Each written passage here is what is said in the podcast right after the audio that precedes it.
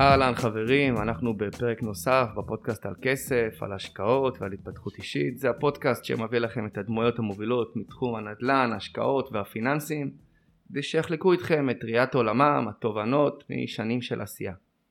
בפודקאסט הזה אנחנו דנים בנושאים שונים שקשורים לכסף, לאפיקי השקעה, לדרכי חשיבה, וגם לא מדלגים על נושאים של פחדים וחששות המלווים כמעט כל משקיע.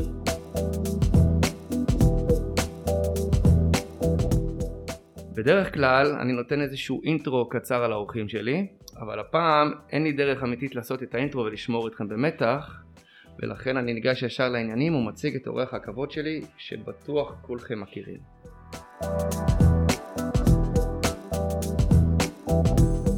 אז אה, קבלו את החשב הכללי בעבר, ראש החוג לחשבונות בקריה האקדמית אונו, ואביר איכות השלטון.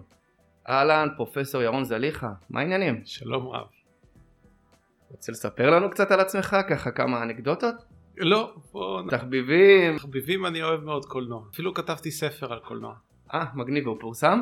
כן, בהחלט. וההוצאה של הקיבוץ המאוחד. ושמו? 400 אה, המלכות וסרטים אחרים. אז חבר'ה, לרוץ לסטימצקי ולהתארגן על הספר. קיבלתם גם המלצת קריאה על הדרך. לפני שאנחנו נוסעים לעובי הקורה, אני רוצה לשאול אותך, השקפתך הכלכלית.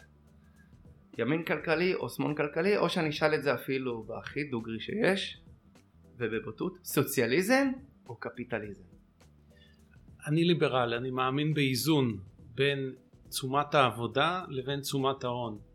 אני מאמין בכך שהערך המוסף במשק, גם ברמת המשק הכללי וגם ברמה של כל ענף וגם ברמה של החברה, צריך לחלק את הערך המוסף בצורה שתיתן תשואה נאותה על ההון כדי שיהיה אינסנטיב להון להשקיע ולהגדיל את ההשקעה שלו ומהצד השני שתהיה תשואה נאותה לעבודה כדי שיהיה אינסנטיב, תמריץ לעובדים לשפר את ההון האנושי שלהם ולחברה בכלל לשפר את ההון האנושי שלה.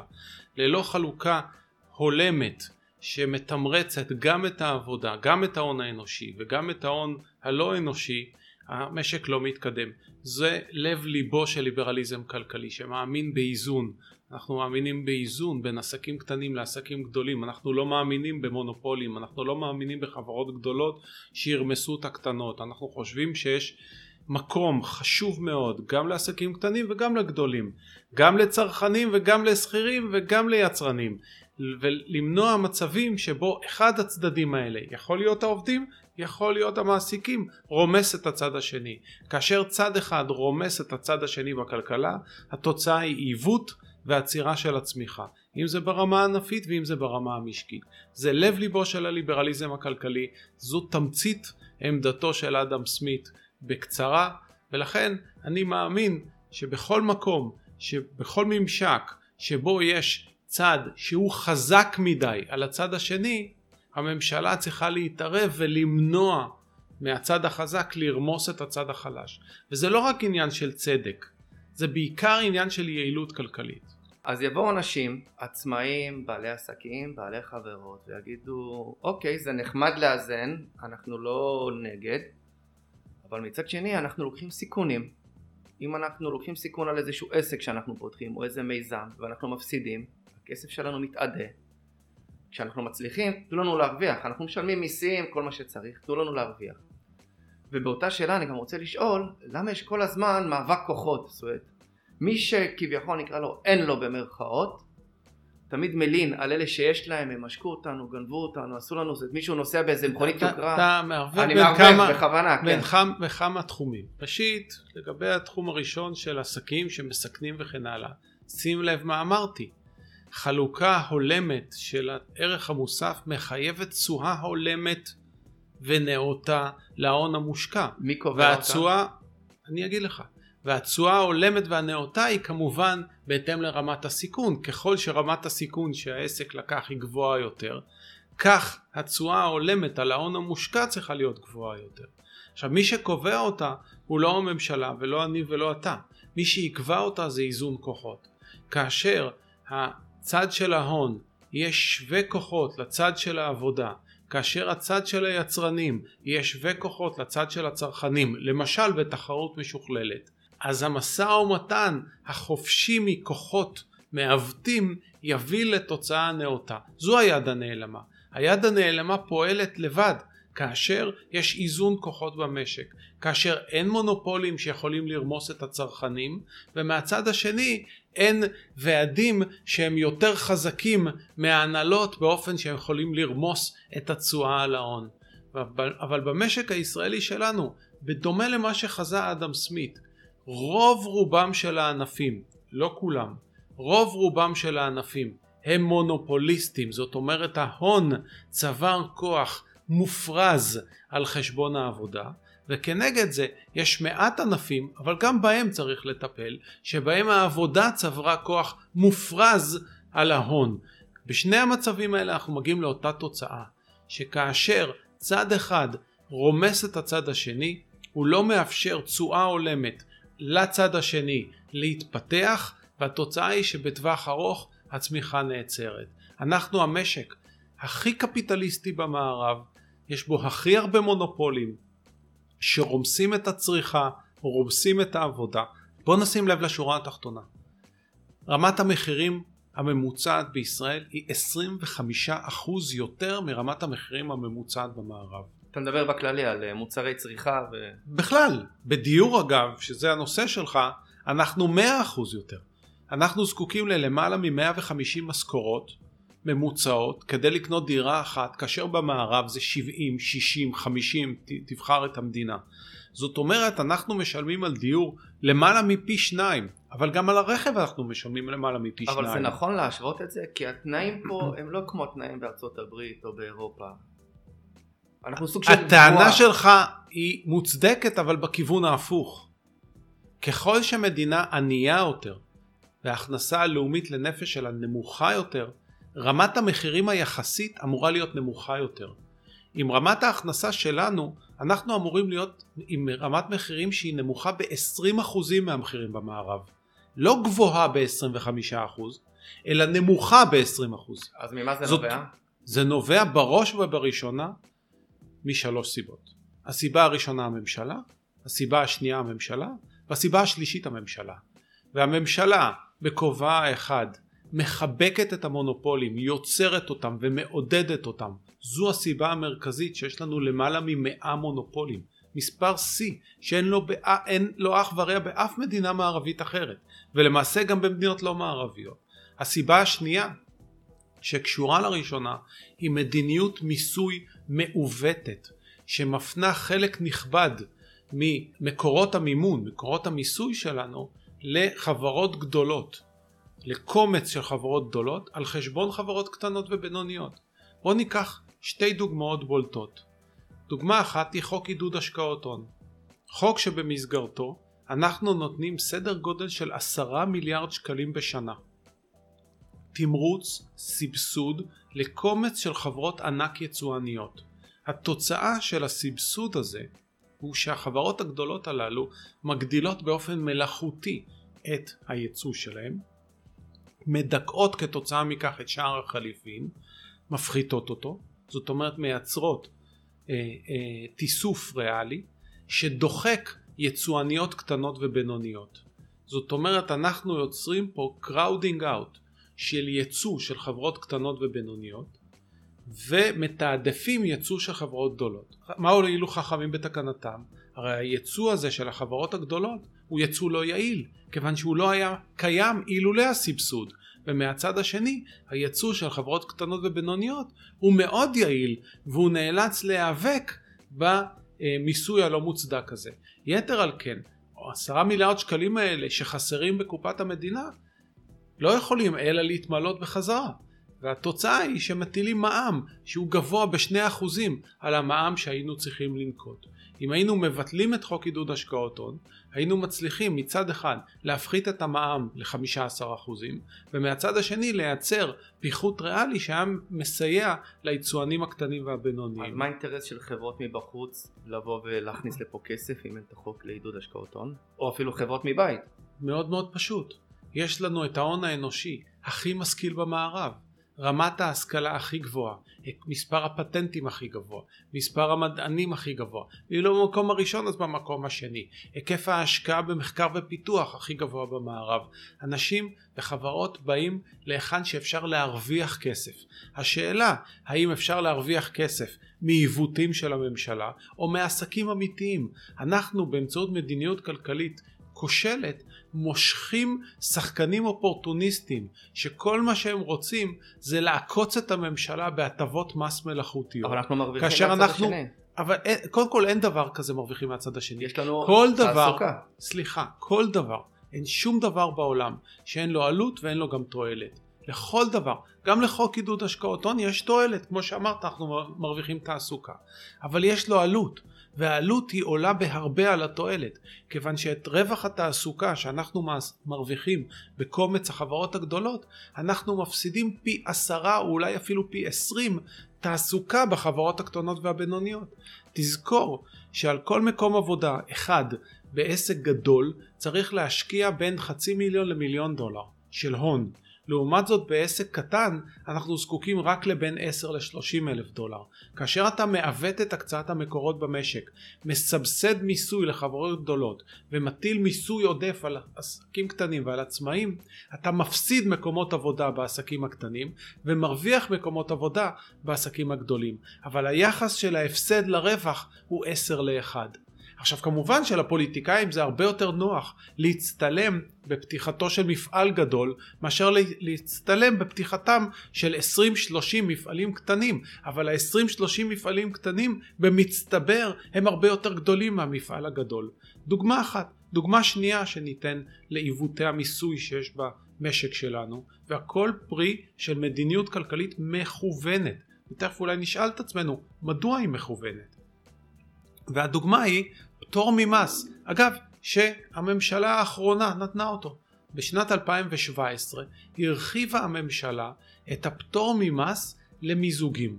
תשאל אותי, למה בשם אלוהים המדינה הכי לא תחרותית במערב צריכה לפטור ממס מיזוגים למה? כדי שהעסקים יהפכו עוד יותר מונופוליסטים ויגדילו את היקף המחירים, את רמת המחירים במשק, כאילו 25% יותר מהמערב זה לא מספיק לנו?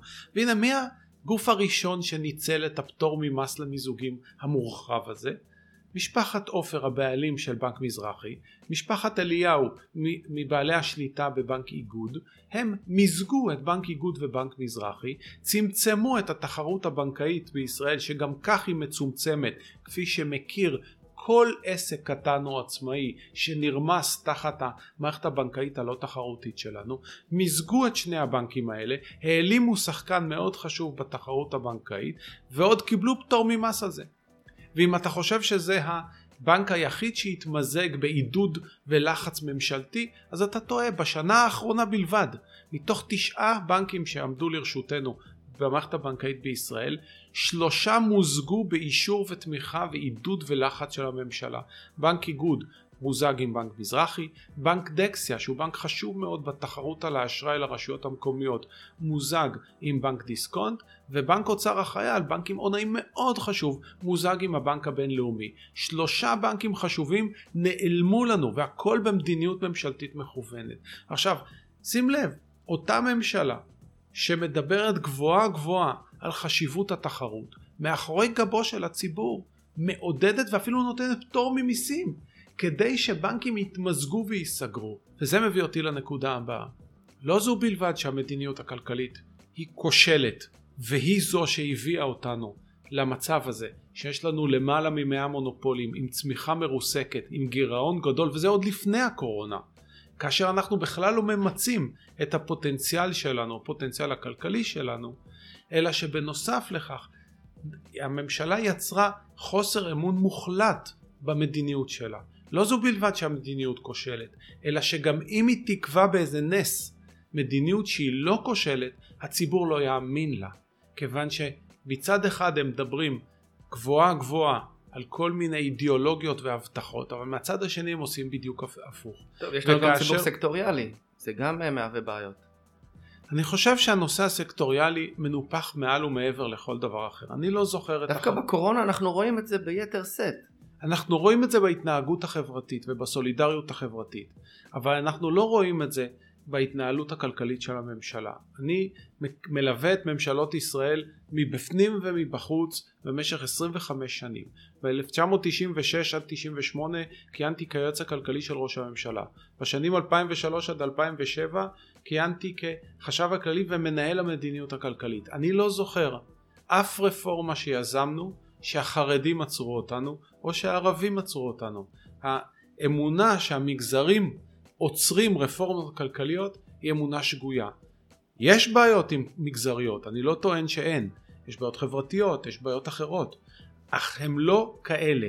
אף מפלגה חרדית או ערבית לא עמדה וחסמה בגופה רפורמה נגד מונופול א' או ב'.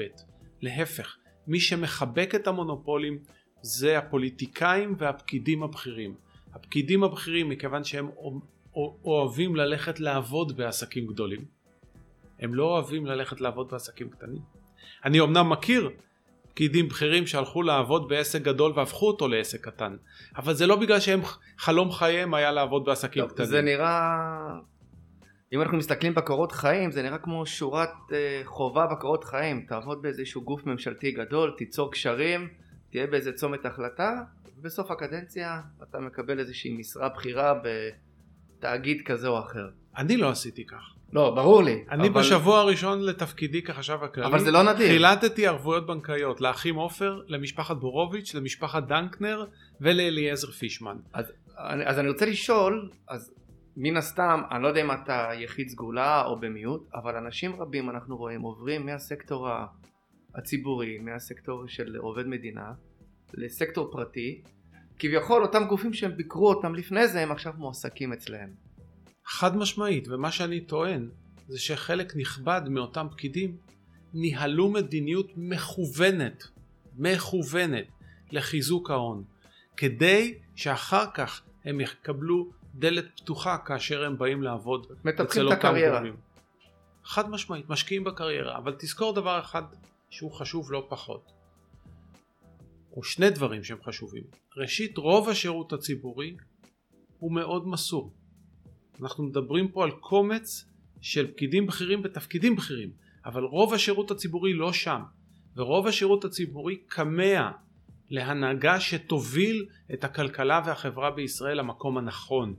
כמה, אותם 3,500 אנשים שעבדו בחשב הכללי בתקופתו של ניר גלעד, שחיבק את האחים עופר, עבדו גם אצלי וסייעו לי כדי לחלט ערבויות לאחים עופר.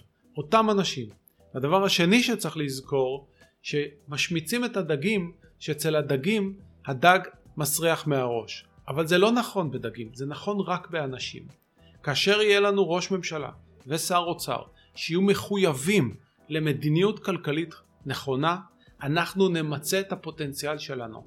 עם רמת ההשכלה וההון האנושי שיש במשק הזה, אנחנו אמורים להיות עם הכנסה לאומית לנפש שהיא לפחות לפחות 30-40 אחוז יותר גבוהה מההכנסה הלאומית לנפש היום. אני אומר לך עוד דבר, בשנת 2007, בשנת 2003, כשאני נכנסתי לתפקידי, עמד התוצר הלאומי לנפש על 49 אחוזים מהתוצר רגע, לנפש בארצות הברית. אז רגע, אני פה עוצר אותך, כי יש לי שאלה על זה, אז תשמור, אז תשמור את התשובה הזאת. יש לי כרגע שתי שאלות שזה יתחבר לתשובה שלך. ובכל זאת אני רוצה רק משפט okay. אוקיי. אחד. אמרתי שתי נקודות שצריך לזכור אבל בעצם צריך שלוש. 90% מהפערים הכלכליים בין מדינות לאורך זמן הם פערים באיכות המדיניות. 90 אחוזים. 10 אחוזים זה כל מיני גורמים מקומיים. 90 אחוזים מהפערים הכלכליים בין מדינות הם נובעים מפערים באיכות המדיניות. טוב, זה ניהול. אנחנו, בוודאי, מה שברור לך במגזר העסקי, למה הוא לא ברור לך במגזר של כל המשק? הרי מה זה כל המשק? קונגלומרט ענק של 400 אלף עסקים על עובדיהם. תחשוב שאנחנו חברת החזקות של 400 אלף עסקים. והאם הייתי אומר לך שקונצרן ענק, קונגלומרט ענק כמו GE, הידרדר בשנים האחרונות, לא תחשוב מיד, רגע, מי ניהל אותו? מה הייתה המדיניות שלו? אז אותו דבר משק. אנחנו משק שההכנסה הלאומית שלו היא 50% מההכנסה הלאומית בארצות הברית, במונחים ריאליים, בארצות הברית 65 אלף דולר, אצלנו 42 אלף דולר, אבל המחירים 25% יותר יקרים. קרי, 42 אלף דולר ששווים 32. תחלק את זה ב-65, אנחנו 50% מההכנסה הלאומית לנפש בארצות הברית. כשההשכלה שלנו בעשרות אחוזים יותר גבוהה, כשאנחנו עובדים לזוג ממוצע, יותר שעות. 250 שעות לשנה לזוג ממוצע, יותר מחברינו בארצות הברית, 500 שעות יותר מחברינו בגרמניה, ו-700 שעות יותר מחברינו בצרפת. זו שערורייה. זה העם שעובד הכי הרבה, מביא את הכי הרבה השכלה, מרוויח הכי פחות, משלם את המיסים הכי יקרים, ובסוף צורך את המוצרים והשירותים הכי יקרים. אולי זה משהו שסחבנו מיציאת מצרים, אנחנו אוהבים להיות עבדים? או, אז בוא נסתכל על השינוי בהכנסה הלאומית לנפש בינינו לבין ארצות הברית. ותראה כמה זה קשור למדיניות כלכלית. בשנת 2002, בשנת, ב-1990, בתחילת שנות ה-90, הגענו לשיא יחסי אה, רב שנתי של 66% מההכנסה הלאומית לנפש בארצות הברית. באמצע שנות התשעים השתנתה המדיניות הכלכלית והיא נמשכה עד 2002. הידרדרנו בשנים האלה מ-66% ל-49%. בשנת 2003 מוניתי להיות מנהל המדיניות הכלכלית של ישראל. שיניתי את המדיניות הכלכלית ב-180 מעלות. מה התוצאה? שאחרי ארבע שנים של מדיניות כזו, עד שעזבתי, עלינו מ-49% ל-62% מהתוצר לנפש בארצות הברית. בשנת 2008 וביתר שאת ב-2009, עם כניסתו של מר נתניהו לתפקיד ראש הממשלה בפעם השנייה, הוא שינה שוב את המדיניות הכלכלית. הוא החזיר את המדיניות הכלכלית שהייתה באמצע שנות התשעים. אז יש לי זה שאלות, אתה משיג אותי. מיד אני מסיים. והיום הידרדרנו מ-62% בתחילת כהונתו ל-50%. עכשיו שים לב, לא זו בלבד שלא המשכנו להתקדם, הידרדרנו תריסר אחוזים מההכנסה הלאומית לנפש בארצות הברית. רק כדי שתבין מה המשמעויות התקציביות של זה. אם היינו נשארים, לא מידרדרים, אבל גם לא מתקדמים, אפילו לא מתקדמים, מוותר על ההתקדמות. נשארים 62 אחוזים, כמו שקיבל, כמו שהוא נתנו את המשק ב-2009 למר נתניהו. התקציב היה במקום 400 מיליארד 500 מיליארד. אתה מבין?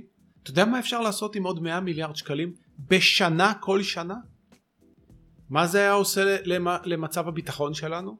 למצב הביטחון החברתי שלנו? למערכת החינוך שלנו? למערכת הבריאות שלנו? הרי עכשיו במשבר הזה של הקורונה נחשפת ערוותה של הממשלה.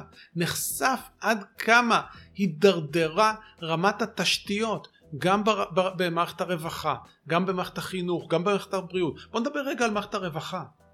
אני חייב לעצור אותך, כי אתה לא נותן לי לשאול שאלות. סליחה, אני מתנצל. עליך. עכשיו אני משתלט על הדיון. מתנצל, תשתלט, אין בעיה.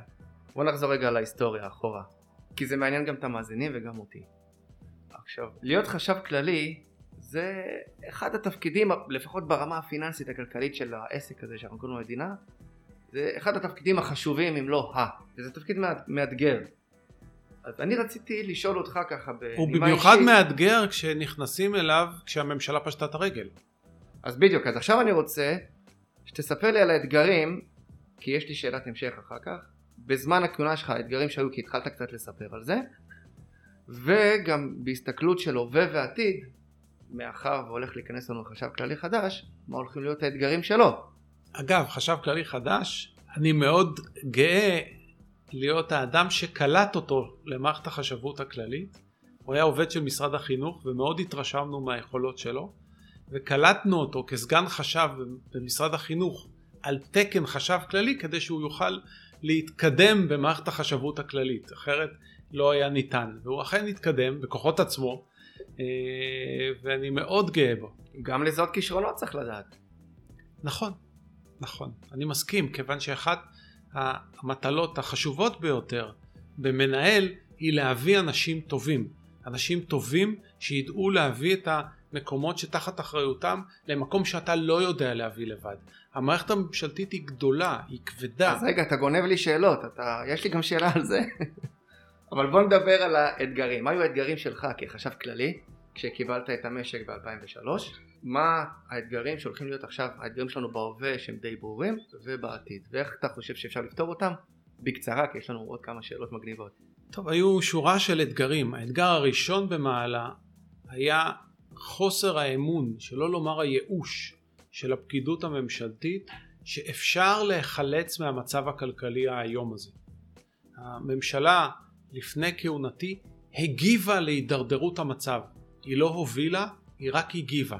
אבל כדי לשנות את הכיוון של ספינה כל כך עצומה כמו משק, אתה חייב לשנות כיוון, אתה חייב ליזום. אבל כדי ליזום, אתה חייב לרתום את אלפי האנשים בשירות המדינה אחריך. אבל הם לא יירתמו אם הם לא יאמינו שיש אופק. לכן אתה צריך קודם כל יד בטוחה על ההגה. יד שעובדי המדינה נותנים אמון ביכולת המקצועית שלה ובתואר הכוונות שלה. זה לא יעזור לשים מנהל שאף אחד מאחוריו לא מאמין שהכוונות שלו טהורות, שמה שהוא אומר שפיו וליבו שווים ושאין לו יכולות מקצועיות, זה פשוט לא יעבוד. אז הדבר הראשון היה להניח בפני האנשים תוכנית כלכלית, להסביר אותה, להסביר למה היא תעבוד, להסביר בדוגמאות אישיות למה פיך ולבך שווים. ואני רוצה לתת לך דוגמה. מטרה מרכזית של המדיניות הכלכלית ב-2003 הייתה לייצר ציפיות להפחתות מיסים. הממשלה עמדה לפשוט את הרגל, היא לא עמדה, היא פשטה את הרגל דרך אגב, פיזית ממש. בשנתיים שקדמו לכהונתי הממשלה הפסיקה לשלם לספקים שלה. היא עדיין פרעה אגרות חוב, היא עדיין שילמה משכורות, אבל היא הפסיקה לשלם לספקים שלה כי לא נשאר לה כסף. והיא לא הצליחה לגייס מספיק הלוואות כדי לשלם לספקים. יתר על כן, ביום שנכנסתי לתפקיד הודיעו אנשי החשבות הכללית שהממשלה רחוקה חודש אחד מאי תשלום משכורות לעובדי מדינה. חודש אחד.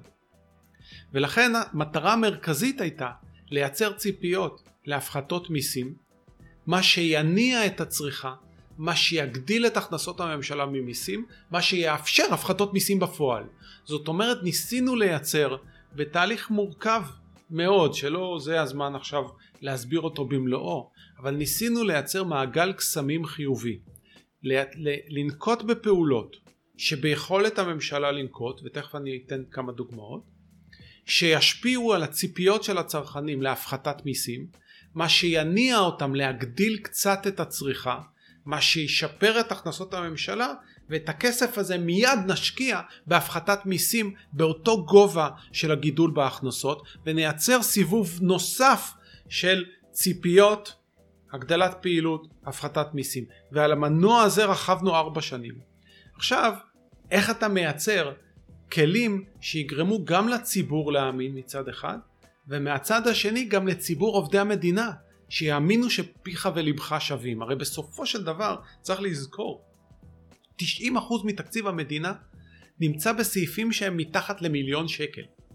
לאף חשב כללי או שר אוצר, הגאון ככל שיהיה, אין שום יכולת גם אם הוא יהיה 40 שנה שר האוצר, יכולת לעבור על כל סעיף וסעיף. הוא חייב ש-3,500 האנשים האלה ייכנסו לסעיפים ויחליטו להתעמת עם גורמי הכוח על כל סעיף וסעיף.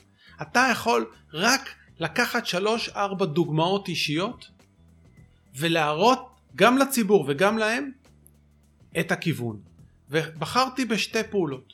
פעולה אחת, לקחתי את חמשת הגורמים הכי חזקים במשק שהפרו חוזה מול המדינה ולא עמדו בהתחייבויות וחילטתי להם ערבויות בנקאיות. האחים עופר, פישמן, משפחת בורוביץ', משפחת דנקנר וג'נרל אלקטריק שאז הייתה החברה הכי גדולה בעולם. אז היא הייתה האפל של, של היום. חילטתי להם ערבויות הבנקאיות על היום, היום או יומיים הראשונים שלי בתפקיד והראיתי כך לכל החברות שנגמרה החגיגה. אי אפשר לחתום על חוזה עם המדינה ולא לעמוד. אי אפשר לקבל פטורים ממכרז לא תקינים. אי אפשר לעקוץ את הממשלה. החגיגה הזאת נגמרה. ומהצד השני עשיתי דבר מאוד מאוד פשוט. לקחתי את הביפרים, היום זה נשמע אנכרוניסטי, היום אף אחד לא מסתובב עם ביפר, אבל בזמנו אנשים היו מסתובבים עם ביפרים. לקחתי את הביפרים מכל עוזרי השרים. יום ראשון מגיע מר נתניהו לישיבת ממשלה, יוצא מהישיבה, קורא לי לחדרו, אומר לי תקשיב, כמעט עשו לי לינץ', אתה לקחת את הביפרים לכל עוזרי השרים? איך חברי המרכז התקשרו לשרים? אתה לא נורמלי. אתה יצרת לי סכסוך איום ונורא. ואתה, אם היית מגיע לישיבת הממשלה, היו שוחטים אותך. רוצחים אותך. אתה הסתכסכת עם כל הממשלה. בשם אלוהים, למה עשית את זה? אמרתי לו כדי לתת דוגמה אישית ולחסוך כסף. הוא אומר לי, כמה כסף חסכת? אמרתי לו, 40 אלף שקל. הוא אומר לי, בשביל 40 אלף שקל אתה רב עם כל הממשלה? 40 אלף שקל בחודש? אתה נורמלי? אמרתי לו, ראשית ביבי, זה 40 אלף שקל בשנה, לא בחודש. אז הוא נגנב? וב' עכשיו 3,500 האנשים בחשב הכללי יראו שהחשב הכללי שלהם מוכן לריב עם כל שרי ממשלת ישראל ועם כל מרכז הליכוד על 3,500 שקל בחודש. אתה יודע מה הם יעשו לתקציב המדינה עכשיו? אחרי שהם ראו שאני רב עם כל השרים וחלט ערבויות לאחים עופר ולפישמן הם יעברו עכשיו סעיף סעיף מיליון מיליון מיליון ויביאו לנו חסכונות. עכשיו אתה יודע מה עשינו? הם באמת עשו את זה. עברו על כל פטור ממכרז, כל דבר מכרזו מחדש, עברו על סעיפי התמיכות, על סעיפי השכר, על בקרות, נזכרתי סיפור. ביבי תמך? ביבי תמך? זה מעניין. תכף נדבר על ביבי. התוצאה הייתה לא שחסכנו חמישה אחוז מתקציב המדינה. חמישה אחוז, בכסף של היום זה 20 מיליארד שקלים בשנה, ואת כל הכסף הזה הפחתנו מיסים. הפחתנו מיסים כמו משוגעים, כמו משוגעים. התוצאה, צמיחה של שישה וחצי אחוזי, אחוזים בשנה והתוצר הלאומי לנפש עלה מ-49 אחוז מהתוצר הלאומי לנפש בארצות הברית ל-62 אחוזים בארבע שנים ותשאל אותי מה קרה למחירי הדיור מה קרה? כלום לא קרה להם כלום נשארו נומינלית פלט זאת אומרת שריאלית אבל יש לזה גם הסבר יש לזה רק הסבר אחד כשהצמיחה עולה מחירי הדיור לא עולים. אתה יודע למה? לא, אבל הייתה גם ירידה כל... של מחירי דיור בגלל הבנייה המסיבית לא של העליות של שנות ה-90. זה שנות ה-90, אני מדבר איתך על שנות ה-2000. נכון, מאז הייתה ירידה. ממש לא, ממש לא. מה שקרה זה דבר מאוד פשוט. יש קורלציה בין שיעור הצמיחה לנפש לשיעור הריבית. לא יכול להיות פער משמעותי של למעלה מאחוז בין התוצר לנפש, הצמיחה של התוצר, לבין הריבית הריאלית. כאשר אתה צומח בשישה וחצי אחוזים, הריבית היא גם חמישה שישה אחוזים, ובריבית של חמישה שישה אחוזים אף משקיע לא קונה דירה, ורק הזוגות הצעירים נשארים בשוק. ומה התוצאה? מחירים לא עולים. לא רק שהם לא עולים, אתה רואה שנומינלית הם לא עולים, זאת אומרת שריאלית הם אפילו קצת יורדים, ומהצד השני ההכנסה עולה, המשכורת עולה, זאת אומרת שמספר המשכורות לא חישבתי אבל אני מזמין אותך לבדוק מספר המשכורות הממוצעות לרכישת דירה בתקופתי ירד. לעומת זאת מה שנעשה בשנת 2009 זה מדיניות מטורפת שריסקה את הצמיחה כתוצאה מכך הריבית נמוכה ואז מה נותר לאנשים להשקיע? כולם רצו לדיור. אז אנחנו נדבר עוד קצת על זה כי אבל שאלת לך... אותי מה האתגרים והספקתי רק אתגר אחד. אבל היו עוד נוספים. אני רוצה אבל שהחבר'ה יקבלו עוד מידע כי אני רואה שאתה כל שאלה פה אני יכול לעשות איתך פרק. אז אנחנו נהיה גם ממוקדים. הקדנציה שלך גם התחלת לדבר על זה הייתה בין 2003 ל-2007 סוף 2007 תחילת uh, 2008 אני קצת הזכרתי את זה גם uh, לפני זה. שנות ה-90 הייתה לנו עלייה מסיבית של עולים מרוסיה. אריק שרון הבולדוזר התחיל לייצר דירות עניינים. הייתה באיזשהו שלב הצפה בהרבה מאוד ערים גם בפריפריה ולאט לאט מחירי הדיור גם התחילו לרדת אבל לא רק על זה אני רוצה לדבר. ואז זה ב... לא קשור ל-2003 עד 2007 לא לא. אתה מדבר על 93 4 ו-5 לא אני לא, לא, לא על זה, זה השאלה עשור אחר. נכון נכון. זה רק נתתי כי נדל"ן גם מגיב לאט אבל לא על זה השאלה אבל זו נקודה נורא חשובה כיוון שהציבור בפרט הזוגות הצעירים לא מסוגלים היום לקנות דירה. רוב הזוגות הצעירים לא מסוגלים לקנות דירה עוד מעט נדבר על זה. והפתרון לזה הוא רק צמיחה. כאשר נחזיר את הצמיחה הריבית תהיה גבוהה יותר. ובריבית גבוהה יותר מחירי הדיור יפסיקו לעלות נומינלית זאת אומרת שהם יישחקו ריאלית. ומהצד השני צמיחה גבוהה משמעה עלייה ברמת המשכורות. זאת אומרת אנחנו יכולים בטווח של 4-5 שנים של מדיניות כלכלית נכונה להוריד את אה, רמת המשכורות לדירה ממוצעת מ-150 ל-120 ואם נמשיך בזה עשור אולי גם ל-80 משכורות. אני לא רוצה כמובן לייצר הבטחות אבל עשר שנים של מדיניות כלכלית נכונה יכולה בקלות להוריד 4% 4 אחוזים לשנה ממספר המשכורות הממוצעות. אז אני אמשיך בשאלה, כי אני לא רוצה שנתעלם מהנקודה החשובה, שב-2008 היה את משבר הסאב פריים בארצות נכון. הברית. משבר ו- שלא נגע לנו לא, לא, בכלל. לא, רגע. היה גם משבר אבולה בקונגו. אבל- מה זה רלוונטי אלינו? לא סיימתי את לא השאלה. היה רלוונטי בכלל. זה חשוב לדעת. רגע, לא סיימתי את השאלה. אה, אם נרצה או לא נרצה, גלי ההדף של משבר 2008 הגיעו עד לישראל. אנשים קיבלו את הבומבה שלהם בשוק ההון, אנשים נלחצו, אנחנו יודעים מה קורה בפאניקה, ואז התחיל לנוע כסף מכיוון של בורסה לנדל"ן, כמו שאתה הזכרת את זה. אתה פשוט טועה. ו... את- אז- השאלה שלך מייצגת מה- חוסר הבנה בסיסי אז- של מה שקרה. אז עכשיו, אני, ועל זה השאלה, בגלל זה אני אומר, מה אתה חושב על התקופה הזאת שהיא פוסט הכהונה שלך, בהיבט של מחירי הנדל"ן והבעיות שיש בו. והנה עכשיו יש לך את הבמה. לפרט. אתה רואה, אתה לא נותן לי לדבר. השאלות שלך מעניינות, אז הן מאתגרות אותי. תראה, הנקודה החשובה שצריך להבין היא שפוטנציאל הצמיחה של ישראל, בגלל ההכנסה הלאומית לנפש הנמוכה שלנו, 80% מפ- מפוטנציאל הצמיחה שלנו טמון במשק עצמו, ולא בגורמים חיצוניים, במשק עצמו, בפוטנציאל הצריכה וההשקעה הלא ממומשים שלנו.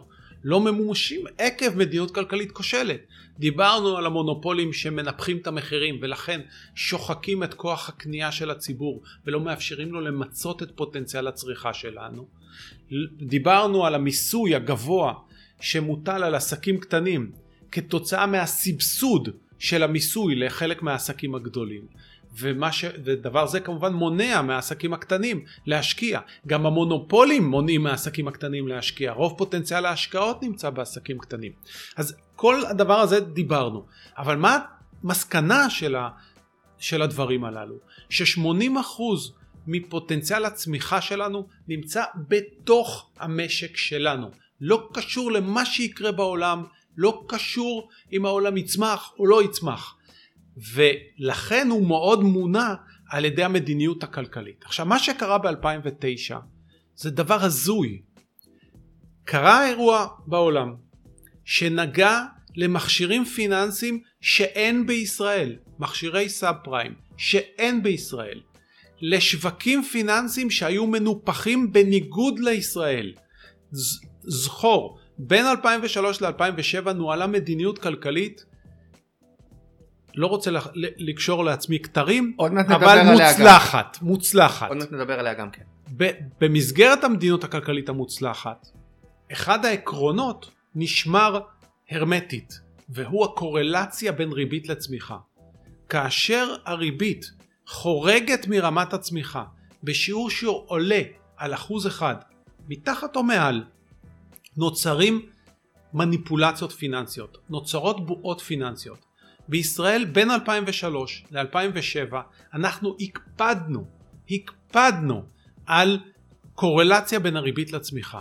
כל כך הקפדנו שאנחנו קראנו, ביבי ואני, לנגיד בנק ישראל בתחילת, ממש בשבוע, בימים הראשונים של כהונתי, קראנו לו שנינו והודענו לו שהוא מעלה את הריבית, מעלה את הריבית ולא נוגע בה עד שאנחנו אומרים לו. וכשהוא הזכיר לנו שעם כל הכבוד יש עצמאות לבנק ישראל ואין לממשלה סמכות להורות לו, נתניהו בהמלצתי הזכיר לו שלממשלה יש סמכות לפטר אותו. כך בדיוק, במלוא הבוטות, בשעת משבר כלכלי קטסטרופלי, לוקחים פיקוד. יש יד אחת שמנהלת את המדיניות הכלכלית, הפיסקלית והמוניטרית. אתה יודע שזה נשמע ולעוד- כמו סוג של סחיטה. זה לא סחיטה, לא זה הפעלת סמכויות. לממשלה יש את הסמכות לפטר את הנגיד. אם הוא נוהג במדיניות מוניטרית מטורפת, גם אם יש לה דעתו את הסמכות. מנוגדת לממשלה, בניהול בוודאי, המדיניות הכלכלית. בוודאי. בשעת משבר יש חובה על הממשלה לוודא שכל זרועותיה, כולל בנק ישראל, יפעלו בצורה מתואמת ונכונה. אבל מה צריך האינטרס של בנק לזכור ישראל? שבנק ישראל תרם למשבר הכלכלי של 2002, 2001 ו-2002.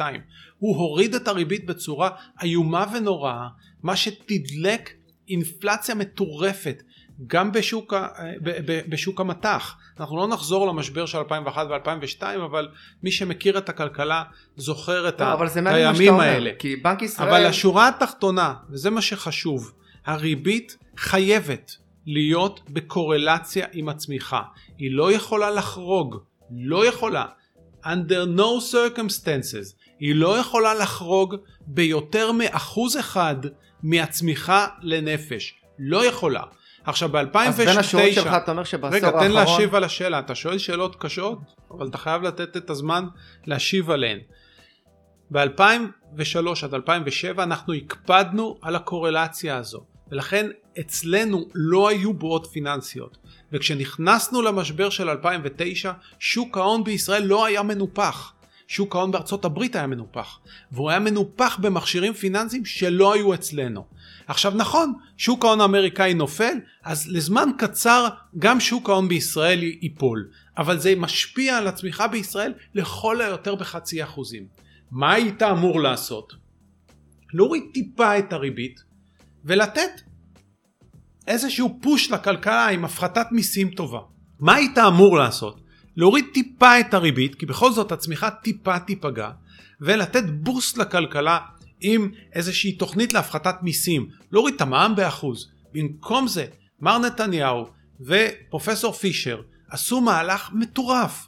מצד אחד, הם הורידו את הריבית לאפס, לאפס, ופתחו פער של שישה אחוזים מהצמיחה לנפש. בזמן שהצמיחה לנפש עדיין הייתה שלושה אחוזים, הם נקטו בריבית נומינלית של אפס בשעה שהמחירים כבר התחילו לעלות בשלושה אחוזים לשנה. זאת אומרת, פלוס שלושה אחוזים לנפש בצמיחה, מינוס שלושה אחוזים בריבית הריאלית. זה פער של שישה אחוזים. ובמקביל, עליות מיסים מטורפות. מטורפות. העלו את המע"מ, העלו את מס ההכנסה, העלו את מס החברות לעסקים קטנים ובינוניים. השילוב הקטלני הזה של ריבית נמוכה מדי ומיסים גבוהים מדי הכפילו ושילשו את כמות הכסף בשעה שהצרכנים והמשקיעים נכנסו לבונקר. כשמעלים להם מיסים, הם נכנסים לבונקר. אז הכסף העודף הזה לא יכול להתפשט בשוק המוצרים והשירותים, והתוצאה היא שהוא הולך לשוק הנדל"ן. עכשיו אני לא מתאר, מתאר לך את זה בדיעבד אחרי 15, 12 שנים. אני בזמן אמת מתחתי ביקורת פומבית מאוד קשה על המדיניות המטורפת הזו, והזהרתי את הממשלה ואת בנק ישראל שהשילוב הזה בין מיסים גבוהים מדי וריבית נמוכה מדי יביא לעלייה של מחירי הדיור ב-50% תוך שלוש שנים. מה האינטרס של רק בנק שאני ישראל? כמובן טעיתי. אני כמובן טעיתי. הם עלו שהיה יותר- ב-120 אחוזים. מה האינטרס של בנק ישראל?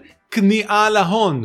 פשוט כניעה ללחץ המטורף של הפישמנים והדנקנרים אבל זה גוף ממשלתי, והבנקים. הוא- האינטרס שלו אמור להיות של המדינה ולא של הטייקונים. נכון, אבל בישראל צריך לזכור שאמצעי התקשורת המשמעותיים נמצאים בבעלות הט... הטייקונים. ולכן כאשר כל, הת... כל אמצעי התקשורת, אם זה ערוץ 2 ואם זה אה, אה, אה, ידיעות אחרונות וויינט, תוקפים אותך, תוריד את הריבית, המשק מתרסק, תוריד את הריבית, תוריד את הריבית, האיש נלחץ. האיש פשוט נלחץ. והתוצאה קטסטרופה. קטסטרופה, דור אבוד של זוגות צעירים שלא יכלו לקנות דירה. אבל זה לא גזירת גורל, אפשר וצריך לתקן את זה. אנחנו צריכים לנקוט במדיניות כלכלית שנלחמת במונופולים, שעושה שינוי של סדר העדיפויות המיסויי, שעושה שינוי של סדר העדיפויות התקציבי, וכל הכיוונים האלה של התקציב, מיסוי ותחרות, להפעיל באופן קוהרנטי לחידוש הצמיחה. אני רגע עוצר אותך, כי יש לי עוד שאלת המשך, בבקשה. אבל תיתן לי לסיים, אל תתפרץ. למרות שזה הרעיון הכי קשה קרבי. לעצור אותי. זה, זה הרעיון הכי קרבי שהיה לי עד עכשיו, אני צריך להילחם על השאלות שלי. תראה, אני יודע שיש לך בטן מלאה, ואנחנו נחשפים אליה עכשיו, על ההתנהלות, לא להתפרץ, על ההתנהלות הכלכלית של הממשלה, אבל אני אנסה למקד אותך על תקופה מאוד מסוימת ועל בן אדם מאוד מאוד מסוים. אני רוצה לדבר על הכהונה של כחלון והמהלכים שהוא ניסה לקדם. בכנות, לי כמשקיע בזמנו, אני עוד הפעם כמשקיע נדל"ן הסתכלתי על הדברים מפוזיציה, אבל איך שלא הסתכלתי אמרתי שהמהלכים שלו זה מהלכים גרועים שאין להם אח ורע, ואני חושב שהמשבר קורונה הנוכחי והמשבר הכלכלי הזה שהוא מביא איתו, למעשה עשה חסד עם כחלון, כי זה אפשר לו להיעלם בשקט מתחת לביקורת, כי כולם עסוקים עכשיו בהישרדות שלהם. מה יש לך להגיד על המדיניות של כחלון והמהלכים שלו? תראה, לי יש פרספקטיבה של, אני לא עכשיו אספור מהראש, אבל לפחות עשרה שרי אוצר שעבדתי איתם, או ביקשו את עצתי לאורך השנים, לא תמיד עשו. אבל יש לי פרספקטיבה ארוכה של לפחות 25 שנים, של היכרות מקרוב.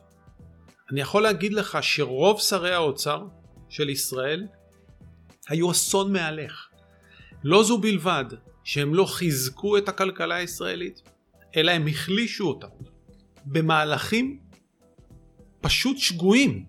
יש הבדל בין לא לעשות כלום, שאולי לא מחזק שום דבר, אבל גם לא מחליש. לא גורע. לא גורע. לבין מהלכים שבהגדרה הם מחוללי אסון. נתנו דוגמה של 2009 כאשר נתניהו ושר האוצר הכושל שלו הכושל בתולדות מדינת ישראל יובל שטייניץ העלו מיסים בשעה שהיה צריך להפחית מיסים ואפשרו לבנק ישראל להוריד ריבית ולהתנתק מהכלל שאוסר פער של אחוז. השאלה על כחלון אני מזכיר לך. אז אני חוזר לכחלון. כחלון כמעט ולא עשה שגיאות. כמעט ולא עשה שגיאות. הוא אפילו עשה כמה מהלכים טובים. אבל המסה הקריטית של המהלכים הטובים לא הייתה מספיקה כדי לייצר שינוי יסודי במצב הכלכלה הישראלית. הוא קיבל משק במצב לא טוב, שהצמיחה מרוסקת. בתחילת כהונתו של כחלון הצמיחה הגיעה לפחות מאחוז לנפש. הורדת אה, מיסים ומכס על מוצצים, על טלוויזיות, על דברים כאלה כשאנשים קוראים תחת הנטל עכשיו יוכלו לקנות טלוויזיות חדשות. אה, תוכנית מחיר למתמשכן, סליחה מחיר למשתמשכן זאת הייתה ככה הערה צינית. ששעבדה אנשים להתחייב לאיזה דירה ובינתיים הם חיו בשכירות והתוכנית הזאת כשלה בסופו של דבר. בוא נדבר תוכנית תוכנית. אני לא אוהב לעשות הכללות. בוא נתחיל בתוכנית מחיר למשתכן. אני הייתי נגד התוכנית הזאת שלא תחשוב שאני חלילה מסנגר עליה. אבל עצם ההחלטה של כחלון לא לצאת לקרב נגד המונופולים, לא לשנות את סדר העדיפויות המיסוי ולא לשנות את סדר העדיפויות התקציבי, מנעו ממנו כל אפשרות לחדש את הצמיחה. ואם אין באפשרותו לחדש את הצמיחה, אין באפשרותו גם להשפיע משמעותית על מחירי הדיור. כפי שאמרתי, מחירי הדיור הם בקורלציה מלאה לצמיחה. כאשר הצמיחה עולה, הריבית גבוהה ומחירי הדיור לא עולים. וכאשר הצמיחה נמוכה, הריבית אפסית, ומשקיעים בלית ברירה נאלצים לקנות דיור, מכיוון שאין להם שום אלטרנטיבה סולידית טובה יותר. משעה שהוא החליט, והוא החליט זאת כבר ביומו הראשון, משעה שהוא פסל את עצמו מחמת ניגוד עניינים וסירב להטיל פיקוח על מחירי הגז, מה שהוא היה צריך לעשות ביום הראשון. והוא הצהיר שהוא יעשה לפני שהוא ייבחר, ובסוף נכון, התברר נכון, כי יש לו קשרים חברים. בכל מקרה, משעה שהוא החליט לא להילחם במונופולים, לא לשנות את סדר העדיפויות המיסויי כמו ביטול חוק עידוד השקעות הון, ולא לשנות את סדר העדיפויות התקציבי, משעה שזו הסיטואציה, הוא בחר בעדיפות השנייה, לא להשפיע על מחירי הדיור, אבל כן להשפיע על תמהיל הדירות הנמכרות. ערב כהונתו היו שתי בעיות, מחירי הדיור הגיעו ל-150 משכורות ושיעור הבעלות של זוגות צעירים בדירות החדשות ירד לשפל היסטורי. אז את מחירי הדירות הוא לא יכל להשפיע, אמר בוא נשפיע על שיעור הדירות שמופנות לזוגות הצעירים וזו הייתה המטרה של מחיר למשתכן. אז אם זו המטרה אז הוא הצליח לא רע. אבל אני חושב שהמטרה הנכונה יותר הייתה לחדש את הצמיחה ולהוריד את מחירי הדיור ואז גם אתה לא צריך את מחיר למשתכן. אגב היה לי ויכוח איתו, אני חייב לספר סיפור. אנחנו הזמנו אותו בקריאה האקדמית אונו, הזמנו אותו לכנס על מחירי הדיור בתחילת כהונתו או בסוף מערכת הבחירות שכבר היה ברור שהוא עומד להיות שר האוצר, אני לא זוכר. והתעמתתי איתו מול הסטודנטים שלי על שני נושאים, נושא הגז ונושא הדיור. בנושא הגז אמרתי שאין אין אפשרות אלא להטיל פיקוח על מחירי הגז. אי אפשר לייצר תחרות בזמן קצר כאשר רוב, מה זה רוב? כל משאבי הגז נתונים ביד, ביד אחת, והיד הזו חתמה על חוזה ל-20 שנה עם חברת החשמל שהיא צרכן הגז הכי גדול. הרי גם אם תייצר תחרות באיזה מקור עלום, ממילא וממילא חברת החשמל כבר נעולה עם, ספ... עם מונופול הגז ולכן חייבים להטיל פיקוח. יתר על כן החוק בישראל מחייב את הממשלה להטיל פיקוח. החוק בישראל שהוא זהה לחלוטין לחוק באירופה קובע בצורה ברורה וחד משמעית אם אתה מונופול אסור לך לגבות מחיר שהוא יותר מעלות פלוס רווח סביר. ורווח סביר זה תשואה הולמת על ההון המושקע בסיכון שנשאת, לא ניכנס לזה, אבל התשואה ההולמת על הסיכון שנשאת הוא לא יותר משניים וחצי דולרים ליחידת גז. וחברת החשמל חתמה על הסכם לא חוקי עם מונופול הגז, רגע. לשישה עד שבעה דולרים, רק שנייה אחת. אז... אבל לא רוצה שנדבר במונחים של כסף, אתה בטח לא מכיר את הנתונים, באחוזים על איזה תשואה אתה מדבר? מה זה השתיים וחצי דולר לעומת השבע דולר? אז שתיים וחצי אה, דולר. השישה עד שבעה דולרים מייצגים תשואה של 23 אחוזים. לכל הפחות, ככל הנראה יותר. התשואה של שניים וחצי שלושה דולר היא תשואה של תריסר אחוזים. הפסיקה אה, באירופה, הפסיקה באירופה, הפסיקה באירופה קובעת שהתשואה למונופול תהיה בין שישה לתריסר אחוזים, אבל זו פסיקה שהיא ערב המשבר של 2008, מאז התשואות ירדו יותר לכיוון ה-4 עד 10 אחוזים. במקרה של מונופול הגז, הסיכון הוא נמוך יחסית, מכיוון שהם קיבלו את השדות ללא תמורה, או תמורת 470 אלף שקל, 970 אלף שקל, סליחה. אבל השקיעו מיליארדים בקידוחים. זה סיכון עצום, לא היו מוצאים לא, כלום, היו מפסידים. אני חולק על דעתך, מכיוון שהממשלה נתנה להם את השדות בידיעה מלאה שיש הסתברות מאוד גבוהה למצוא גז בשדות האלה בהיקף של מאות מיליארדי שקלים. אבל 50 שנה מנסים לחפש נפט וגז במדינה, אתה, אף אחד לא מצא. אתה צודק וטועה. אתה צודק שאף אחד לא מצא, עד שמצאו. מתי מצאו? בסוף 2007, תחילת 2008, בזמן ששדה תמר ושדה לוויתן נמצאים בבעלות המדינה, לא הוקצו. לא הוקצו, או יותר נכון, הוקצו בעבר והוחזרו לידי המדינה. מעלה לראשונה בתולדות המדינה סקר גיאולוגי מעמיק שיש הסתברות מאוד גבוהה למצוא גז בתמר והסתברות מאוד גבוהה למצוא גז בלוויתן. מדינה נורמלית הייתה מפרסמת את המידע הזה. אבל מדינת ישראל תחת ראש הממשלה אהוד אולמרט ושר האנרגיה פואד בן אליעזר ומועצת הנפט שתחת אחריותם מעלימה את המידע הזה מהציבור הישראלי ומחלקת את שני. שני השדות הללו לתשובה וחבריו ללא מכרז מאחורי גבו של הציבור ואז הם משקיעים כשכבר הם יודעים שיש הסתברות מאוד גבוהה אתה יודע כמה גבוהה?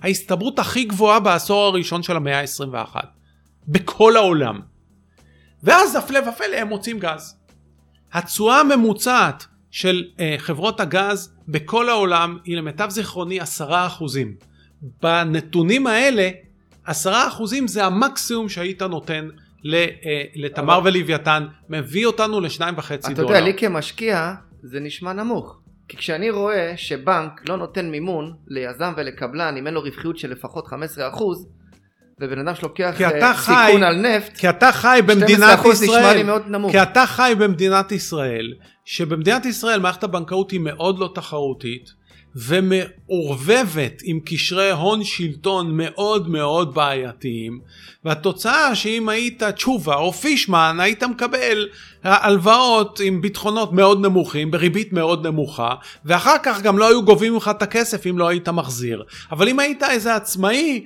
או יזם קטן היו קוראים לך את הצורה ורוצים גם שתשעבד את אימא שלך ואת אבא שלך בשביל איזה הלוואה של 300 אלף שקל. אתה כל כך רגיל שהמחשבה שלך משובשת. זה האמת. ואני אומר לך באחריות מלאה שפיקוח על המחיר היה מביא לשניים וחצי דולר, אולי שניים שבעים, אולי שניים עשרים. ואתה יודע איך אני יודע? כי אני קניתי גז. אני קניתי גז בעידן שלפני המונופול. אנחנו קנינו מים תטיס בשניים שבעים, ומהמצרים בשניים תשעים.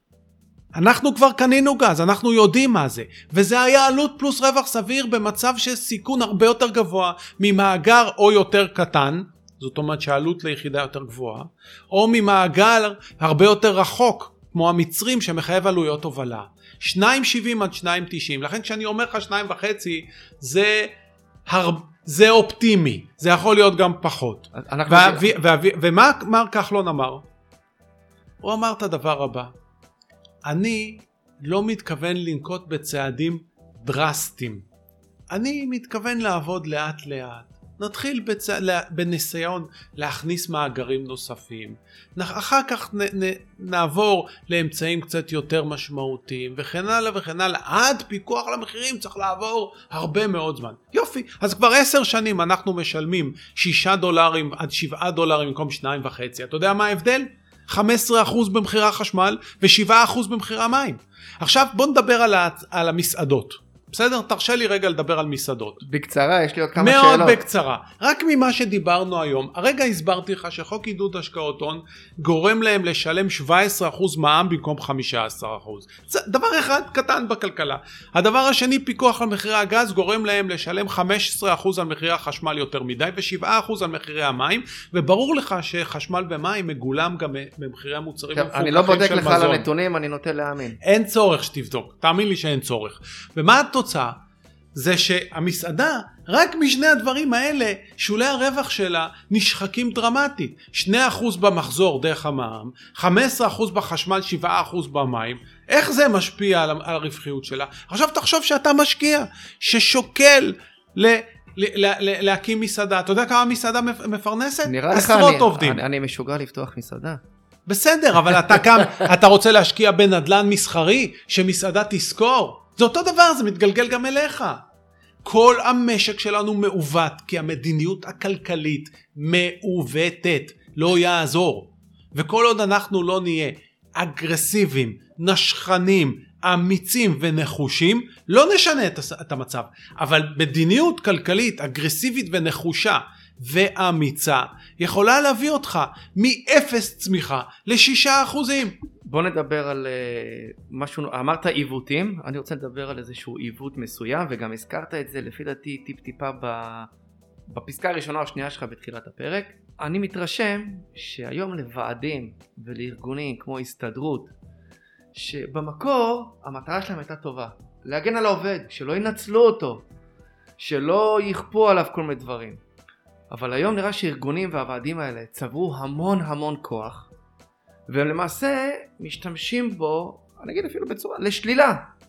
בוא, בוא נעשה סדר בדברים. איך אנחנו מתמודדים עם הדבר הזה? איך אנחנו מחזירים ראשית, מטרה ליושנה? איך אנחנו מחזירים את הארגונים האלה למטרה הראשונית? ראשית, אתה קורא יותר מדי עיתונים וכלי, וצופה בכלי תקשורת שנמצאים בבעלות הטייקונים. ולכן החשיבה שלך משובשת גם פה. זכור מה אמרתי בתחילת הרעיון שלך. כל גורם בעל כוח עודף מייצר עיוות. אגב הלורד אקטון אמר את זה. כל כוח משחית וכוח מוחלט משחית באופן מוחלט. כאשר יש מונופולים אז זה מייצר עיוות. כאשר יש כוח מופרז לוועדים זה מייצר עיוות. אבל רוב הענפים שלנו הם מעוותים מהצד של ההון, לא מהצד של העבודה. ולמה? מכיוון שלהון יש נטייה מגונה לחבור עם עוד הון. הון מחפש הון. זה לא דברים שלי. אתה יודע מי אמר את זה? זה דווקא לא מגונה. אתה יודע מי אמר את זה? מי? אדם סמית. מי שמכיר את אה, ספרו עושר העמים ואת כל ההגות של אדם סמית יודע, אדם סמית תמך בעבודה מאורגנת. מכיוון שהוא אמר שלהון יש נטייה מגונה לחבור עם הון, שלא לדבר על לחבור עם השלטון, ולייצר כוח עודף שיעוות את הקצאת המקורות במשק, לכך יש שתי תרופות. תרופה קו ראשון זה ועד עובדים. עבודה מאורגנת שתנסה לאזן את היכולת של ההון לרמוס את צד העבודה. כשההון רומס את העבודה, לעבודה אין שום אינסנטיב לייצר הון אנושי מוגבר. והתגבור של ההון האנושי הוא מנוע הצמיחה המרכזי של משקים מאז ימי המהפכה התעשייתית ועד היום. יש קורלציה חד משמעית בצמיחה בשלוש מאות השנים האחרונות במערב בין צמיחת ההון האנושי לצמיחת הרווחיות. אי אפשר לייצר צמיחה ברווחיות ללא צמיחה בהון האנושי ולהפך. לצערנו, רק שנייה, לצערנו, יש מקרים בודדים שהם המיעוט שבהם ועדים צוברים כוח מוגזם ולא זו בלבד שהם לא מאזנים את הכוח של ההון, אלא הם גוברים על הכוח של ההון ואולי אפילו גם עושים בו שימוש לרעה. זה פסול וזה פסול. אבל בוא לא נתבלבל במינון. רוב הענפים הם מונופוליסטים מצד ההון, לא מצד העבודה. ורוב הוועדים עושים מלאכ, מלאכת קודש כדי לנסות ולאזן זאת. ואנחנו באמצעי התקשורת שבבעלות ההון מנפחים כל פעם את הקומץ של ועדים שהם סליחה על הביטוי, כוחניים ואגרסיביים ו- ואולי אפילו אני, בריוניים. אבל שאלה. זה הקומץ, הקומץ ולא הכלל. אני אשאל שאלה, איזה אינסנטיב? אני אגיד לך את זה בפש... בפשטות. אמרתי לך, אדם סמית אמר שתי תרופות לסיטואציה של חבירת ההון עם ההון בצורה שצוברת כוח ומעוותת את הקצאת המקורות. הראשון זה עבודה מאורגנת ואתה יודע מה השני? מה השני? מדיניות כלכלית. מדיניות כלכלית. המדיניות כלכלית צריכה לאתר את אותם ממשקים שבהם יש כוח עודף שרומס את הקצאת המקורות ולטפל בזה. בין אם הכוח העודף הוא בצד של ההון ובין אם הכוח העודף הוא בצד של העבודה. ממשלה חייבת לנהל מדיניות כלכלית אגרסיבית, נחושה, קוהרנטית, אמינה. אין שום סיבה שהעם הכי משכיל במערב, העם הכי חרוץ במערב, יהיה העם הכי עני במערב. אין לזה שום סיבה, חוץ ממה שאמרתי לך בתחילה. 90% מהפערים הכלכליים חברתיים נובעים מפערים במדיניות, באיכות הניהול. זה מאוד ברור, אז, חד וחלק. אז את הנקודה הזאת הבהרת, אני רוצה אבל לשאול אותך כשאלת המשך, מה האינסנטיב של אותו בן אנוש, אותו אחד, שיש לו קביעות בעבודה, איזה אינסנטיב יש לו לתת 120% בעבודה, לתת תפוקות כשהוא יודע שהוא מוגן. צריך שיהיה גם הלימה, זאת אומרת, נוצר מצב שאנשים, יש להם יושבים, יש להם את העבודה הבטוחה שלהם, יעבדו ביעילות של 80%, 90%, 100%, לא מעניין אותם. איך אנחנו פותרים את הבעיה הזאת? זה מייצר גם עיוות. מה שאתה מתאר הוא לא הבעיה, הוא חלק ה... ממנה, הוא מרכיב. לא, סלח לי, אתה גם, עונה, גם שואל וגם עונה? מפרט, מפרט. מפרט, בסדר. ידידי, מה שאתה מתאר, תופעת הקביעות, היא לא הבעיה, אלא היא התוצאה של הבעיה.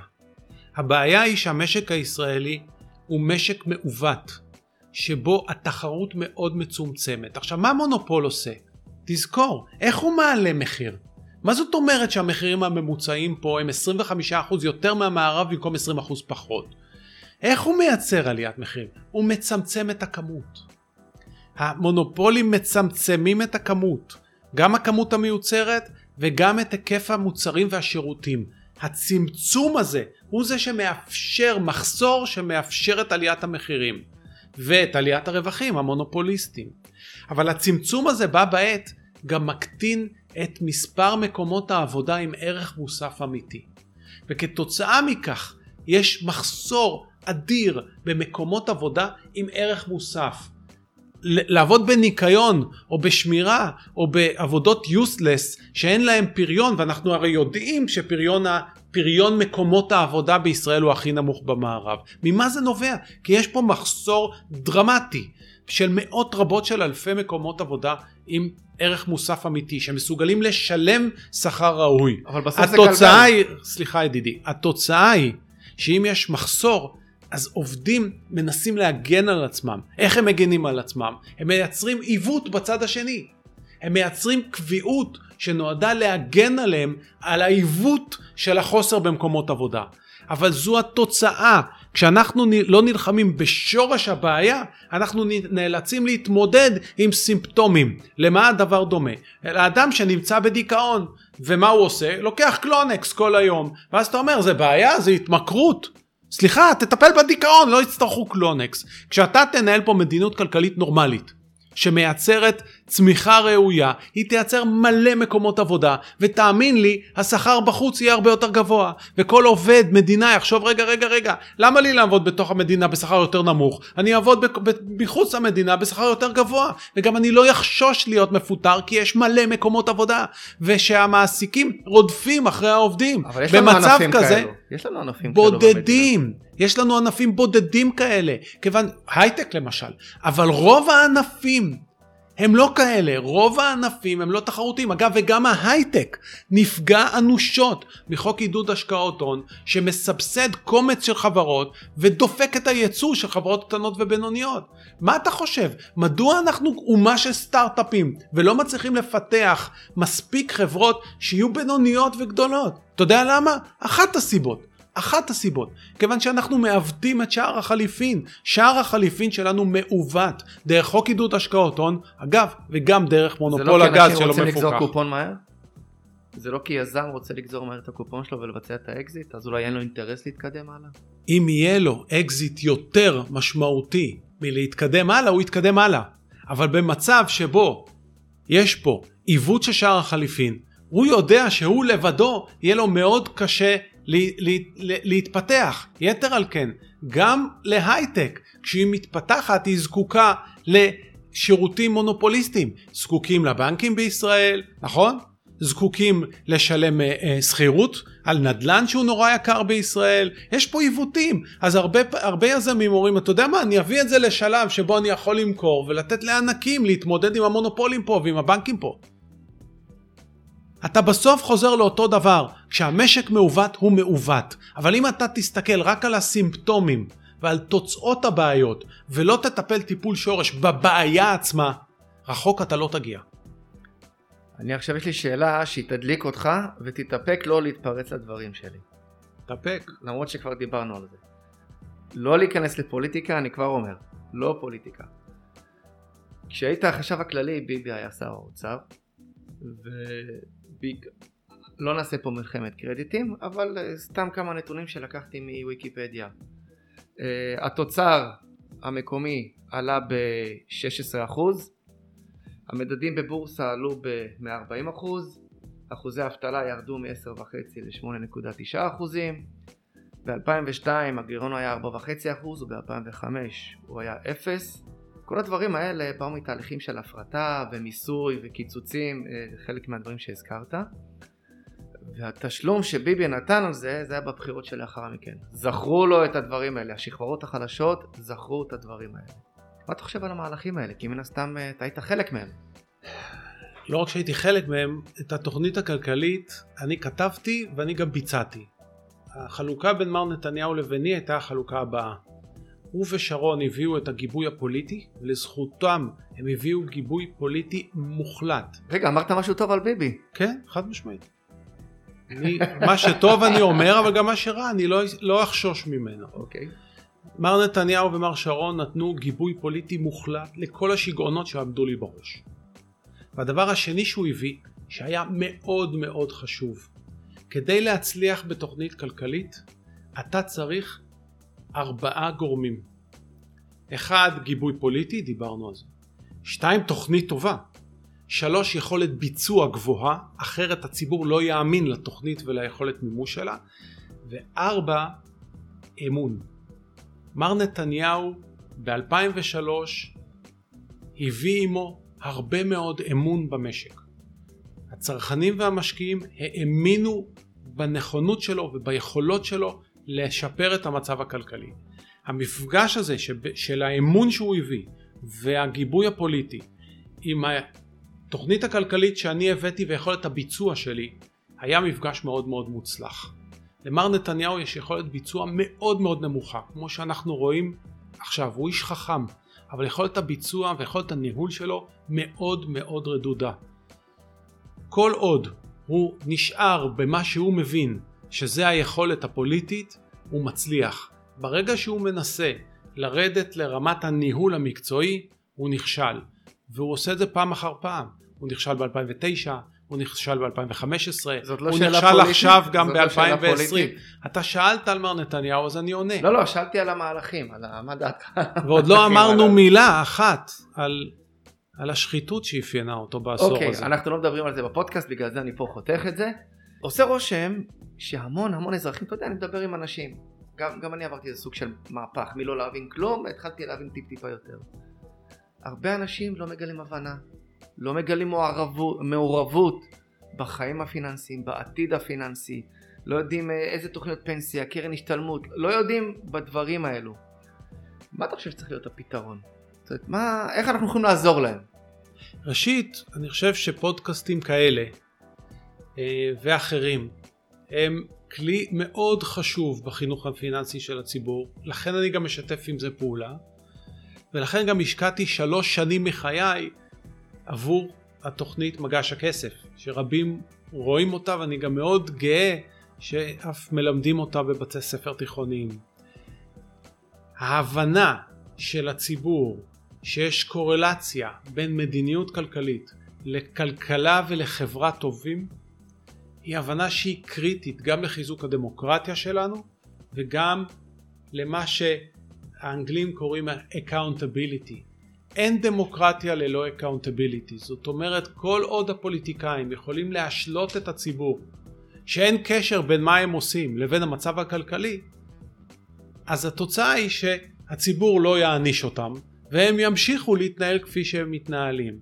אבל אני חושב שאחרי שבעשור הזה יצרנו דור שלם של זוגות צעירים שלא מסוגלים לקנות דירה ועכשיו אנחנו מחרבים את מפעל חייהם של עשרות אלפי עסקים קטנים ועצמאיים אז אני חושב שהציבור מתחיל להבין שהנושא הכלכלי הוא בנפשו. יתר על כן, הנושא הכלכלי הוא בנפשו של כל מי שחרד לביטחון המדינה. אין מדינה בטוחה ללא כלכלה בריאה. כאשר הכלכלה חולה, היא לא מסוגלת לממן את תקציב הביטחון שנדרש למדינה הכי מאוימת בעולם.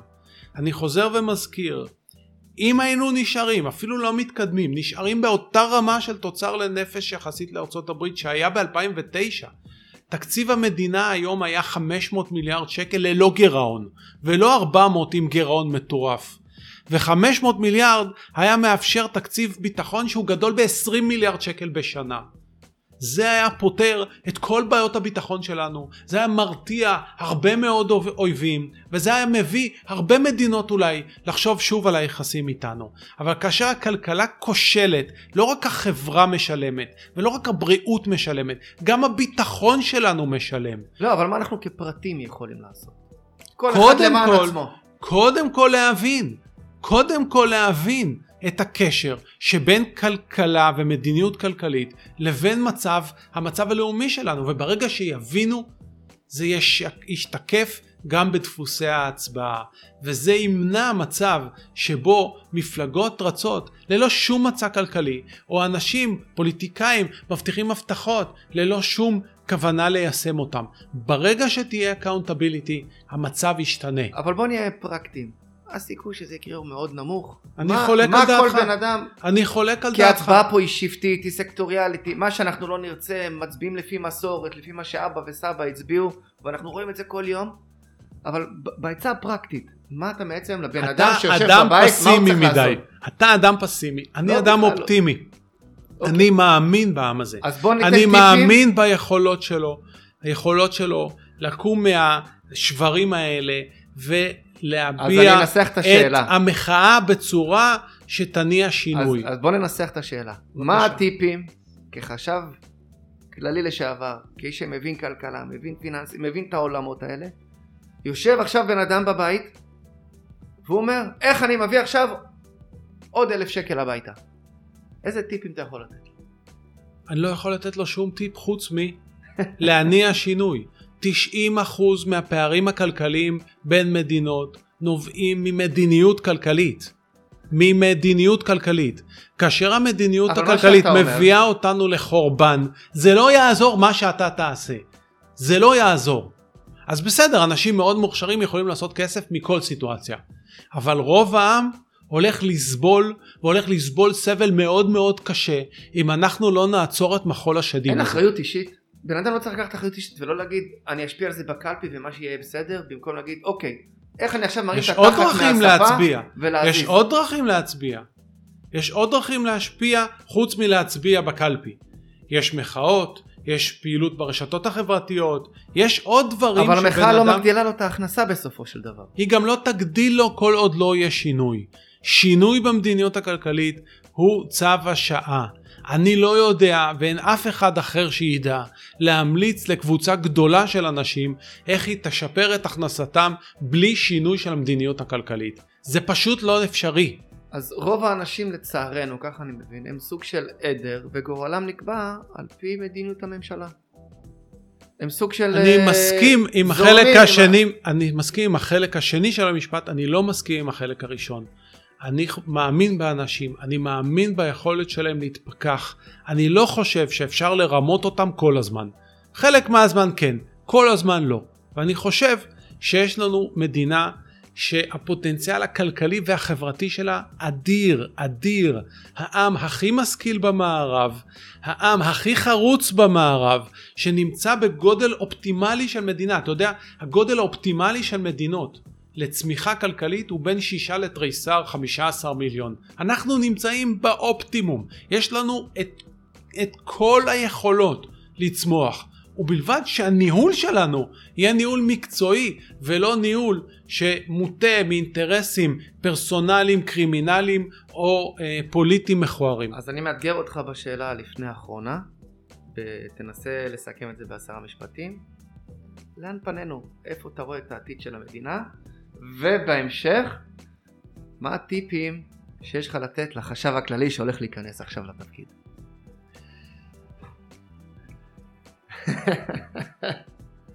תראה, לאן פנינו לא צריך פרופסור לכלכלה כדי לומר. אנחנו מסתכלים שמאלה וימינה ואנחנו רואים שהממשלה הגיעה עם חוב לאומי יחסית נמוך בתוצר בערב המשבר. אגב זה פרדוקס, פרדוקס ישראלי. העם הכי עני במערב עם הממשלה הכי עשירה. ההון שלטון פה חנק את החברה והכלכלה בישראל, הוא מילא את הכיסים של הממשלה, מילא את הכיסים של המונופולים, ורמס את העסקים הקטנים, הצרכנים והשכירים. כמה אנחנו קרובים למהפכה בסגנון מהפכה צרפתית? חס וחלילה, עזוב מהפכות. בוא, לא צריך, אנחנו מדינה דמוקרטית. אבל ערב הקורונה... כי אתה מתאר סוג של נקודת רתיחה כזאת. אנחנו ערב הקורונה נכנסנו עם חוב לאומי בהיקף של 60% מהתוצר. הקו האדום, הפשיטת רגל, באזור המאה אחוזים. אחרי שישה חודשים של ניהול כושל של משבר הקורונה, אנחנו כבר ב-80 אחוזים. אם המדיניות הכלכלית תימשך כמו שהיא, אגב אני מטעה את המאזינים שלנו, אני אומר מדיניות כלכלית כאילו יש מדיניות. הרי מדיניות היא תוכנית העבודה של הממשלה שמשתתק, משתתף... הבהרת את זה בשעה האחרונה. בסדר. כל עוד הניהול יישאר כמו שהוא, אנחנו נגיע עד סוף שנה הבאה לסדר גודל של 100% חוב תוצר. ואז נפשוט את הרגל, וכתוצאה מכך יתחילו פה קיצוצים איומים ונוראים בחינוך, בבריאות, בקצבאות, ברווחה. הציבור עוד יבכה בחימר שנים ארוכות. שנים נהיה, ארוכות. נהיה כמו יוון? אבל זה לא, בהחלט, אבל זה לא גזירת גורל. זה עדיין בידינו. זה אפשר לשנות עדיין. אנחנו ראוי שנשנה מדיניות כלכלית נכונה, כפי שפירטתי לאורך השעה האחרונה, לייצר שינוי בתוך זמן לא מאוד ארוך. ואז אם נצליח לעשות את השינוי לפני שניגע ברצפה, אנחנו נוכל במחיר יחסית מצומצם של שנה או שנתיים לצאת לדרך חדשה. ואני מאוד אופטימי בעם הזה. יש לנו כאמור עם מאוד משכיל, מאוד חרוץ, ויש לנו את האפשרות להיות באמת אחת הכלכלות העשירות בעולם. והטיפים לחשב הכללי החדש? אני לא אוהב לתת טיפים עצות, למחליפים עצות, שלי. עצות. אני חושב שיאלי הוא בחור מצוין וגדל אה, לאורך השנים וצמח וצבר ניסיון עשיר ואני מאמין בו. אז נאחל לו בהצלחה. בהצלחה וזה ודאי. לסיכום, בלי לחזור על דברים שכבר אמרת, אני יודע שזה קשה. מה אתה רוצה לומר ועוד לא אמרת או שלא כיסית את זה. אמרתי... בלי פוליטיקה. לא, אמרתי הכל. אז המון המון תודה, פרופסור ירון זליכה. זה היה ראיון אה, אנרגטי והכי קרבי שהייתי בו עד עכשיו, הייתי צריך להילחם על מקומי במיקרופון. חבר'ה, לא לשכוח לעקוב אחרי הפודקאסט, אחרי דף הפייסבוק והבלוג של גורו נדל"ן, אם יש שאלות, לעורך דיונים בנוגע לפודקאסט. אה, אתם מכירים את המדיה, פייסבוק, בלוג, אנחנו כאן. ביי ביי.